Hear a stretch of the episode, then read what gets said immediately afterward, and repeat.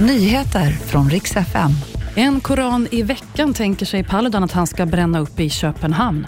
Och Stockholmspolisen jobbar hårt för att bryta våldet. 16 gripna bara senaste dygnet. Stockholmspolisen jobbar hårt för att bryta den senaste veckornas våldsvåg. Bara senaste dygnet har 16 personer gripits kopplade till grova våldsbrott i huvudstadsområdet. Ett stort parti vapen och sprängmedel har också kunnat beslagtas. Turkiet kallar upp Danmarks ambassadör och det här är efter att islamfientliga Rasmus Paludans senaste planer. Nu vill han bränna Koranen varje fredag i Köpenhamn tills Sverige släpper, släpps in i NATO. Ja, efter koranbränningen i Stockholm då lyckades han ju reta upp Turkiet så mycket att de avbröt NATO-förhandlingarna med Sverige. Och Det här tänker han nu skulle vara en lösning på det. Artisten Akon skapade rubriker igår kväll. Han gjorde uttalanden som kanske inte var helt i tiden.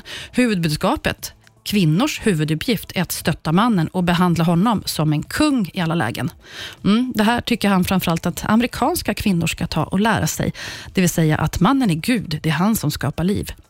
Ingen jättepopulära åsikter i alla läger kanske. Låt mig säga att han har mötts av hård kritik från sina fans. Återstår att se hur han ska landa efter det här. Han tycks i alla fall inte ångra sig. Det var nyheterna. Jag heter Maria Granström.